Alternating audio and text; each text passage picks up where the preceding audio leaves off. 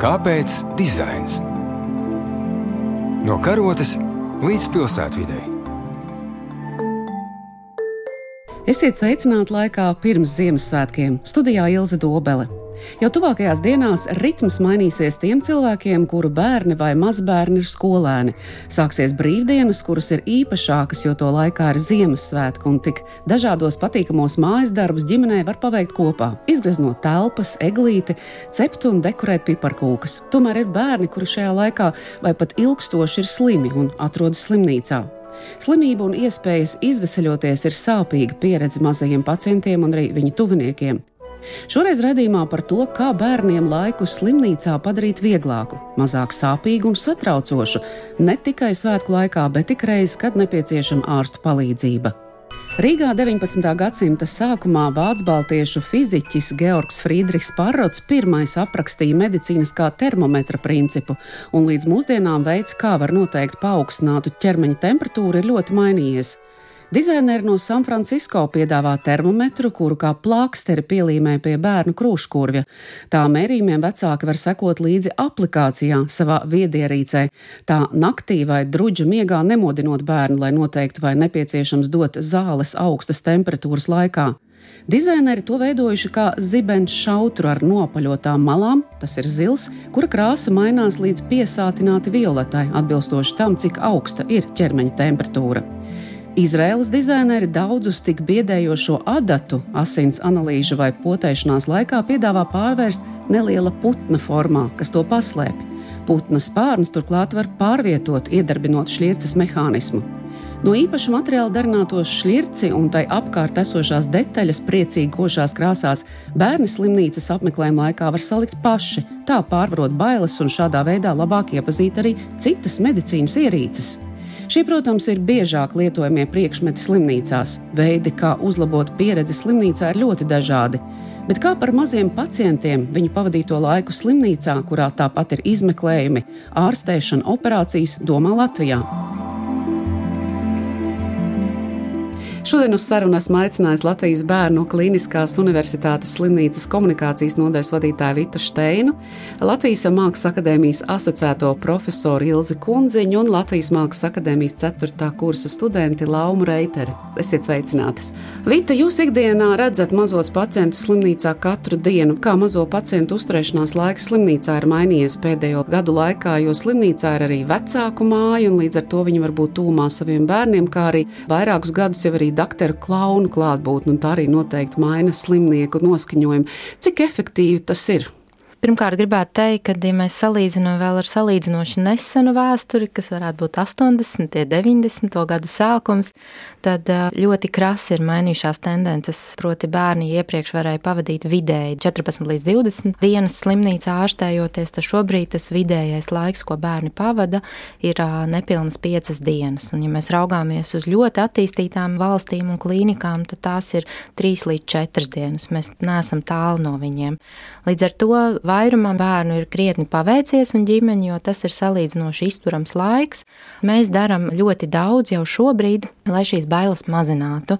Mums ir dažāda veida palīgi instrumenti, ko mēs esam sarūpējuši, spēles, uzlīmes, drosmes diplomi un tam līdzīgi. Tāpat ar nākamo gadu mums ir paredzēts pilnīgi jauns amats. Tas būs angliski viņš saucās Child Life Specialist. Mēs vēl neesam radījuši amata nosaukumu latviešu valodā, bet tas ietver sevi sevī trīs funkcijas. Viens ir spēļu terapija, veids, kā mēs varam mazināt nevajadzīgas, varbūt liekas anestēzijas, bērnu iepriekš sagatavojot, parādot ar rotaļu elementiem, tādā veidā mazinot viņam šo stresu, un viņš var bez anestēzijas šo procedūru veikt. Jā. Tātad tās ir tās lietas, ko jūs teicāt, kuram šobrīd slimnīca lieliem soļiem iet pretī un vēlas mainīt šo mazo pacientu pieredzi, kuri tiek pavadīti slimnīcā, un kas bija tie galvenie iemesli? Iemesli, kāpēc jūs to izlēmāt darīt? Bērnu slimnīca ir tomēr vienīgā bērnu slimnīca Latvijā un neizbēgami mūsu mērķa auditorija ir jaunās ģimenes. Un ģimenes ir tās, kuras pašas par sevi mums piespēlē un arī dod zināt dažādas idejas, kāda ir pasaulē risinājumi. Tieši tāpat ir arī mūsu speciālisti, viņi dodas uz citām klīnikām pasaulē, un līdz ar to tas viss kombinējas ar tādu ļoti organisku attīstību arī šajā jomā, un pacientu pieredze kā termins, kā pilnīgi jauns domāšanas veids, patiesībā ir ļoti nesens.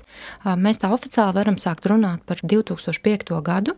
Un, ja mēs raugāmies uz slimnīcu darbu, tad šodien pasaulē viņi tiek vērtēti no divām perspektīvām. Viens ir klīniskie rezultāti, ja, tātad proti kādi ir ārstnieciskie iznākumi, kas pamatu pamatā vienmēr ir bijuši kā galvenais fundaments, uz ko balstās visa medicīna.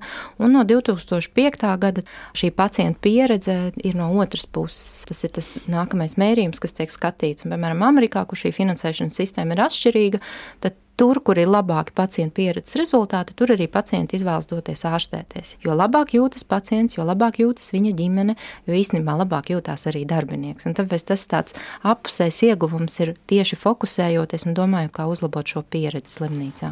Un vēl varbūt īsi pirms mēs turpinam iesaistīt sarunā arī pārējās sarunas dalībnieces.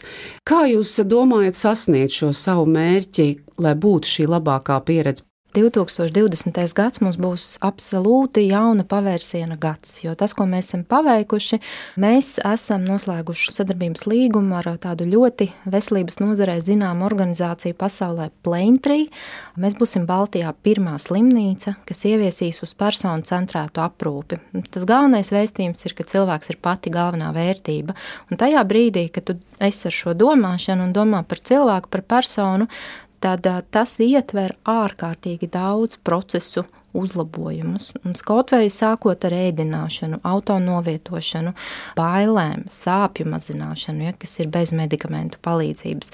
Vai vecāki ir sapratuši vieglā, saprotamā valodā, kas viņiem tika pastāstīts? Ja. Visi stacionētie pacienti, kas ir bijuši pie mums slimnīcā, viņu vecāki pēc izrakstīšanās, tad, kad viņi jau atrodas drošā vidē mājās, viņiem ir iespēja atbildēt uz jautājumiem, kā tad viņiem gāja pie mums slimnīcā. Un balstoties uz šiem rezultātiem, nākamgad uzlabosim trīs procesus ārstus. Un viens no tiem ir tātad, kad ārsti un māsas izskaidro vieglā un saprotamā valodā paredzēto terapiju, blaknes, izmeklējumus, analīžu rezultātus. Māsas katru reizi atnākot ar medikamentiem pastāsta, kas tie ir pa medikamentiem. Ja? Katru reizi vedot bērnu uz procedūrām, izstāstīs, izskaidros gan bērnam, gan vecākiem, kas tā būs par manipulāciju, kas tiks veikta. Otrs aspekts ir empātiska komunikācija, jo izrādās, ka neviens pasaulē nepiedzimst mediķis ar šādām zināšanām, un arī ļoti attīstītas klīnikas māca saviem darbiniekiem empātisku komunikāciju. Un trešā lieta ir ēdināšanas kvalitātes uzlabošana, kam mēs jau esam ķērušies klāt. Bet Ilzi, jūs kā dizaineri arī esat veikusi pētījumu bērnu slimnīcā. Kādi bija jūsu secinājumi? Pirmkārt, man tiešām patiesi prieks dzirdēt visu to, ko Vits stāsta, jo jaunā slimnīcas valde, man liekas, ir īstajā vietā nonākuši. Un tas, ko mēs darījām, mēs tādā dizaineru grupā, bijām piesaistīti veikt tieši izpēti fiziski pierādījumi tam, kā pacients jūtās tieši neatliekamās medicīniskās palīdzības nodaļā un ambulatorijā nodaļā. Jo ir teiksim, projekts un mērķis paplašināt šīs telpas, un tad arī bērnu slimnīcai bija svarīgi saprast, kā pacienti jūtās. Tieši jau minētais pieredzes ceļš, sākot no ieiešanas ēkā un izējot no viņas ārā. Varbūt kāds pasaules piemērs ir mudinājis uz tādu gan izpēti, gan arī nepieciešamību mainīt šo pieredzi, kur es ieeju, kur es iznāku. Kāpēc tas ir svarīgi? Es biju Stokholmā, Astrīdas Lingrēnas bērnu slimnīcā, un arī viņi uzteica tādu pozitīvo piemēru šo mūsu Rīgas slimnīcu, jo vadība saprot to, ka ir jāveic šāds pētījums pirms tam jo viņiem bija tā neveiksmīgā pieredze, ka arhitekti ir uzprojektējuši māju, un viņiem piespiedu kārtā ar viņu jāsadzīvo. Un arhitekti viņu projektē kā pieaugušo slimnīcu, bet bērnu slimnīcā ir pavisam citas vajadzības. Piemēram, uzņemšanā, ka pieaugušiem ir vajadzīga kaut kāda barjera pret uzņemošo personālu, savu veidu drošības barjeri. Ja? Nu, tas varētu būt arī stīkls. Bērniem tas nedarbojās, jo ir vajadzīgs personīgs, gan psiholoģisks, gan fizisks kontakts uzņemošiem personālam ar pašu bērnu vai bērnu vecākiem. Un, ja bērns netiks pareizi uzrunāts vai nebūs acu kontakti, tad arī kontakti nebūs vispār nekāda. Jo tas ir pašā droši vien pamatā, lai viņš vispār atļautu sevim kaut ko darīt tālāk. Kāpēc dizains? Vēl viens aspekts, ar kuru arī bērnu slimnīcai un jebkurai slimnīcai jārēķinās, tās ir arī vietas, kurā nu, ir skumju brīdis vai atvadu brīdis. Jā, tāda ir smaga tēma, un par ko es kā vecāks un vienkārši varbūt slimnīcas lietotājs nekad tā nebija iedomājies, jo man nav bijis pašai to saskart, bet viens ir ārstēšanas, šī pakalpojuma saņemšana, otrs ir kaut kas ir aizgājis ne tā, kā ir paredzēts. Ir no bērna jāatvedās, ka viņš ir slimnīcā. Tad Stokholmā bija īpaši tam veltīta telpa, kurā mēs varam runāt tieši par dizainu, par interjeru dizainu, par teiksim, apgaismojumu, arī par navigāciju, jo tur bija domāts arī par to, kā teiksim, vecāks līdz šai telpai nonāk, neejot cauri visai slimnīcai, un par to, kā viņš jūtas un arī ko viņš tur dara. Bet es saprotu, ka bērns slimnīcā slimnīcā mums arī ir. Jāatzīst, ka uh, man ir pašai personīga pieredze tieši atvedoties no sava jaunākā dēla bērnu slimnīcā, reanimācijas nodaļā. Tur ir tāda atvadu telpa, kas ir uh, nedaudz ārpus pašas intensīvās terapijas, bet uh, tajā pašā ēkā, kurā ir iespēja ģimenei un arī plašākam lokam cilvēku atbraukt un atvadīties no bērniņa. Nu, man jāatzīst, ka, lai cik ļoti smaga tā pieredze būtu, bet tieši personāls un cilvēki ir tie, kuri iedod to lielāko atbalstu tajā brīdī. Mums šī telpa ir iekārtota asketiski. Tas, kas mums ir jaunums slimnīcā, mums ir kapela, brīnišķīga klusuma telpa, kas ir radīta ar ziedotāju atbalstu. Tā ir tā īstā vieta, kur ģimenei sanāk kopā pulcēties ar mācītāju vai bez mācītāju un pabūt kopā tajā brīdī.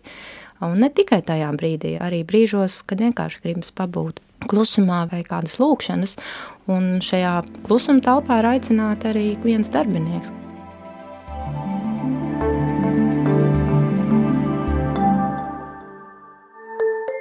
Lauma, vēlos sarunā iesaistīt arī jūs. Jūs esat uh, studenti, studējat funkcionālo dizainu. Pastāstiet, lūdzu, kāds ir jūsu risinājums mazajiem pacientiem, kas vairāk tieši saistīts ar dažādu šo manipulāciju saņemšanu? Mans uh, risinājums ir vērsts uz negatīvo emociju novēršanu. Esmu radījusi spēka peli, kas ir uh, soma automātiskās infūzijas sistēmas pārnēsāšanai. Tas ir rotaļu biedrs, kurš ir varoņa tēlā ar supervaroņa spējām pārveidot ievietoto šķidrumu spēka eliksīrā. Un rezultātā šis produkts varētu mainīt bērnu pieredzi slimošanas laikā, liekot viņam vairāk domāt par izvesaļošanos un spēku atgūšanu, un arī pārveidotu viņa domas par zāļu ievads procesu. Tātad tā ir um, somiņa, kurā tiek ievietota zāļu pudelīte, kura ir līdzīga kā sistēma, nepieciešama nepārtraukta zāļu ievadīšana bērnu organismā, un šī somiņa tad ir attiecīgi kāda zvēra konkrēti peles izskatā. Tā mēs varam Jā. ar audio klausītājiem raksturot, kuri fiziski to neredz, bet mūsu mājaslapā būs redzama arī šī spēka peles foto un varēs secināt, kāda tā izskatās. Kāda Kāda notika šī testēšana? Ko izdevās atklāt? Kā tas strādā un vai tas jau ir izmantots ikdienā? Šobrīd tas vēl nav izmantots ikdienā. Testēšana pašu sistēmu vēl slimnīcās nav notikusi, bet ir testēta pati rotaļlieta uz bērnu, kāda ir viņa attieksme pret viņu, kur viņš ērtāk viņu novieto un nesā tālāk. Kas varbūt ir tās galvenās lietas, kas jāņem vērā, veidojot šādu funkcionālu dizaina priekšmetu, kuram ir ļoti liela nozīme gan tāpēc, ka zālēm ir jānonāk noteiktā daudzumā, nepārtraukti, tām noteikti ir jābūt no noteikta materiāla, iespējams, temperatūrā noteiktā. Kā jūs to risinājāt? Protams, šim produktam ir jāatbilst higiēnas normām, un plus vēl arī ir rotaļlietu drošības noteikumi. Viņam turpmāk būs jābūt viegli dezinficējamam, vai arī varbūt viņš nākotnē tiks izmantots mājas apstākļos, ambulatorai lietošanai. Kas varbūt ir tas, kā jūs eh, šobrīd redzat, kas ir jāizdara vēl, lai to varētu varbūt tiešām slimnīca ņemt kā savu instrumentu tajā brīdī, kad bērnam ir nepieciešama tā regulārā zāļu uzņemšana. Kas ir jāpaveic jums pašai vēl? Šim produktam ir konkrēti jāatbilst visām higiēnas normām. Tas ir viegli dezinficēšana, lai viņš nebūtu visu laiku jāliek vēsmašīnā mazgāt, un lai viņš ir ienesams slimnīcā un viņš nebūtu ar baktērijām pilns. Un jūs turpināsiet pie tā strādāt? Jā, protams, tas ir mans nākamais mērķis, bakalaura darba ietvaros, cerībā līdz aprīlim pabeigt šo produktu. Brīnišķīgi, Ilze, jūs esat šī darba vadītāja. Kā šī ideja radās? Kā jūs kopā ar studentu līdz tam nonācāt? Jā, man ir tā fantastiskā iespēja būt gan profesionālam dizainim savā profesionālajā laikā, bet uh, man ir arī iespēja būt ar studentiem. Savā profesionālajā darbībā es arī esmu viena no vadītājām Kuldīgas vasaras skolā, jāsaka, ka šis produkts ir tieši sekas tam, ko vasaras skolā risināja bērnu komanda. Tie bija bērniņi no 6 līdz 10 gadu vecumam. Tā bija startautiska komanda, jo mums bija jāatbraukš bērni arī no Zviedrijas. Un tajā laikā mēs darbojāmies ar Kuldīgas slimnīcas bērnu nodaļu. Jā, šīs bailes no manipulācijām bija viena no galvenajām lietām, ko bērni secināja, ka viņiem varbūt ne tik ļoti sāp, cik viņiem vienkārši ir bail. Un arī tas, ka viņi nezina, kas notiks. Un, jā, un šī pilināmā sistēma, kas ievada zāles caur adatu. Vēnā, tad arī ir šis tāds ļoti bailīgs aparāts, ar kuru tam bērnam ir jābūt kopā tajā laikā, kad viņš ir slimnīcā. Un tad man bija tā iespēja šīs bērnu idejas, varbūt trakās un varbūt likās nerealizējamās, aiznest uz akadēmiju, nodot studentiem, un tad viņiem bija iespēja pie šīm idejām pastrādāt, nu jau tādu dizainera ķērienu un piegājienu. Un man ļoti liels prieks, ka Lāma sāka šo darbiņu pirms diviem gadiem, un spēka pēle arī bija viena no nominētiem projektiem. Dizaina dizaina gada balvai, bet nu, spēka peli tiešām pārtop, un viņi pārtop no tāda konceptuāla produkta par reāli lietojamu produktu. Un es ceru, ka Lāma, tad, kad būs izdarījusi savu dizaineru funkciju, viņi arī atradīs ražotāju, kas to ražos. Jo skaidrs, ka tur ir tiešām liels prasības, lai slimnīca viņu varētu ņemt savā lietošanā, un tādēļ Lāmai ir svarīgi atrast šo ražotāju, kurš varētu garantēt to, ka um, slimnīca tiešām var dot bērniem. Jā, liels paldies jums eh, par sarunu. Tiešām šķiet, ka pēc sāpīgas pieredzes bērnam var iedot kādu saldumiņu, bet var, protams, arī pašu manipulāciju veikt dažādi. Un šie uzlabojumi ir nepieciešami abām pusēm, gan pacientiem, gan ārstiem, kā jūs arī visas atzināt. Tāpēc saku jums vēlreiz paldies par sarunu. Studijā bija Latvijas Bērnu Kliniskās Universitātes slimnīcas komunikācijas nodaļas vadītāja Vita Steina, dizaineri un Latvijas Mākslas akadēmijas asociētā profesora Ilza Kunziņa un arī studente 4. kursā Latvijas Mākslas akadēmijā Lauma Reitere. Šī raidījuma skaņa montēja Judīta Bērziņa, studijā Ilza Dobela. Paldies Kultūra Kapitāla fondam par atbalstu. Uz tikšanos!